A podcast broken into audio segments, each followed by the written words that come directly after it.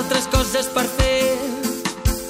No m'ha agradat ja pensar que no hi vaig fer res. Solidaris, amb Adrià Bas.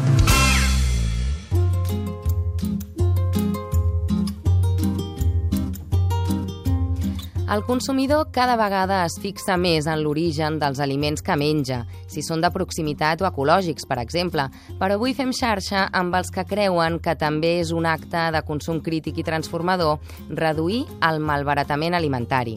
Segons dades de l'Agència de Residus de la Generalitat, del total de residus municipals que es generen a Catalunya, 1,18 milions són restes de menjar, dels quals 260.000 tones són aliments malbaratats i equival a dir que un català és responsable de que 35 quilos de menjar en bon estat acabin a les escombraries cada any. 6 de cada 10 quilograms de menjar malbaratat es troba a les escombraries domèstiques. Espigoladors és una organització sense ànim de lucre que lluita contra el malbaratament alimentari alhora que apodera persones en risc d'exclusió social. Recuperen la fruita i la verdura que es descarta, ja sigui per un descens de vendes, per raons estètiques, per excedents de producció o perquè la fruita està madura i el consumidor ja no la compra.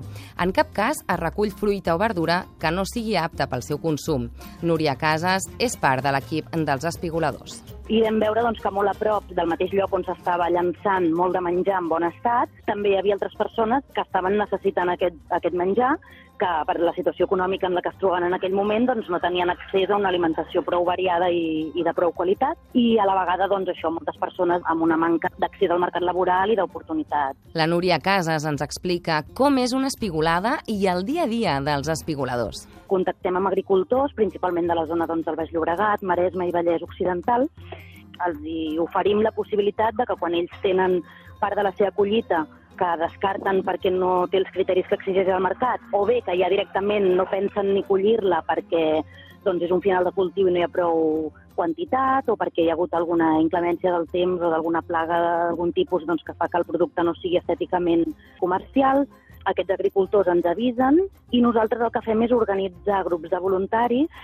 intentem involucrar sobretot també doncs, a les entitats socials dels municipis on es troben aquests camps. De les fruites i verdures que recuperen, un 90% el dediquen a entitats socials que donen accés a aliment a persones del municipi. Moltes vegades aquestes entitats justament de lo que més estan mancats és de fruita i verdura.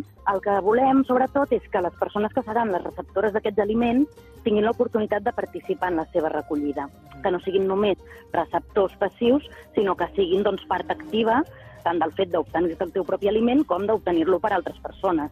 Recollida, donació, transformació i comercialització, inclusió social i, a més a més, també fan productes alimentaris amb el 10% restant. Elaborem melmelades, salses, patés vegetals i cremes de verdures. Amb això doncs, allarguem la vida del producte, el comercialitzem amb la marca És Imperfect, perquè així doncs, també bueno, visibilitzem doncs, això que les coses imperfectes també poden convertir-se doncs, en productes d'alta qualitat i a la vegada la venda del producte doncs, ens permet fer sostenible tot el model.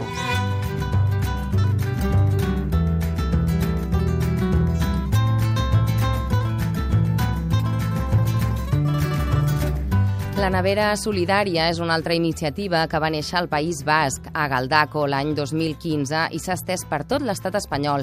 N'hi ha unes 14 i a Catalunya n'hi ha dues, a Barcelona, amb la col·laboració de l'Associació Resero i l'Agència de Salut Pública. Cristina Sánchez, del casal de Barri Espai Antoni Miró Peris, ens explica com funciona aquesta nevera al carrer. Es tracta d'una nevera oberta a les 24 hores del dia i es troba a l'espai públic, en aquest cas a la plaça Carme Montoriol. La nevera està a disposició de tothom que vulgui col·laborar. Poden ser tant particulars o entitats, petits comerços, i tothom pot agafar també, independentment dels recursos econòmics que, que es tinguin.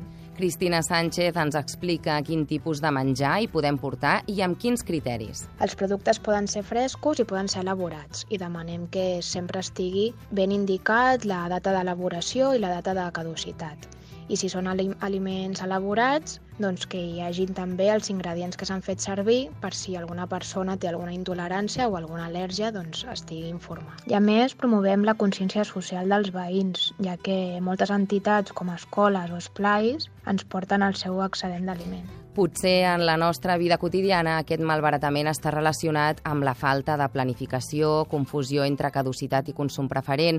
Per això avui hem fet xarxa amb dues iniciatives de les moltes que hi ha a casa nostra per combatre el malbaratament i algunes possibilitats que tenim a l'abast per no llançar aliments que encara serveixen amb els que es fan deliciosos menjars basats en la cuina del reaprofitament.